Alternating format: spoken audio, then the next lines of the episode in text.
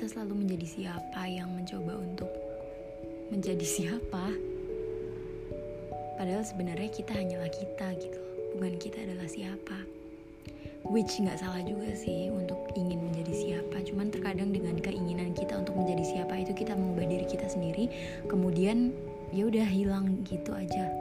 Hilang dan nggak bisa pulang. Itu yang jadi masalah aku nggak tahu kenapa tiba-tiba pengen ngomong kayak gini. Tapi ya terkadang terkadang terlalu terobsesi untuk apa ya mendapatkan atensi orang lain mendapatkan atensi orang lah. Itu kadang-kadang mau baik diri kita dan tidak menjadi kita kembali gitu. Dan itu menurutku salah dan geli. I mean kita tuh hidup di dunia yang seluas ini dan dan apa ya relasi kehidupan tuh nggak cuma sama orang-orang itu kok. Jadi kayak untuk apa kita harus mengubah diri kita hanya demi orang-orang itu padahal masih ada jutaan orang lain yang kita yang kita yang ada dan menerima kita apa adanya gitu loh. Dan nggak perlu membuat kita mengubah diri kita.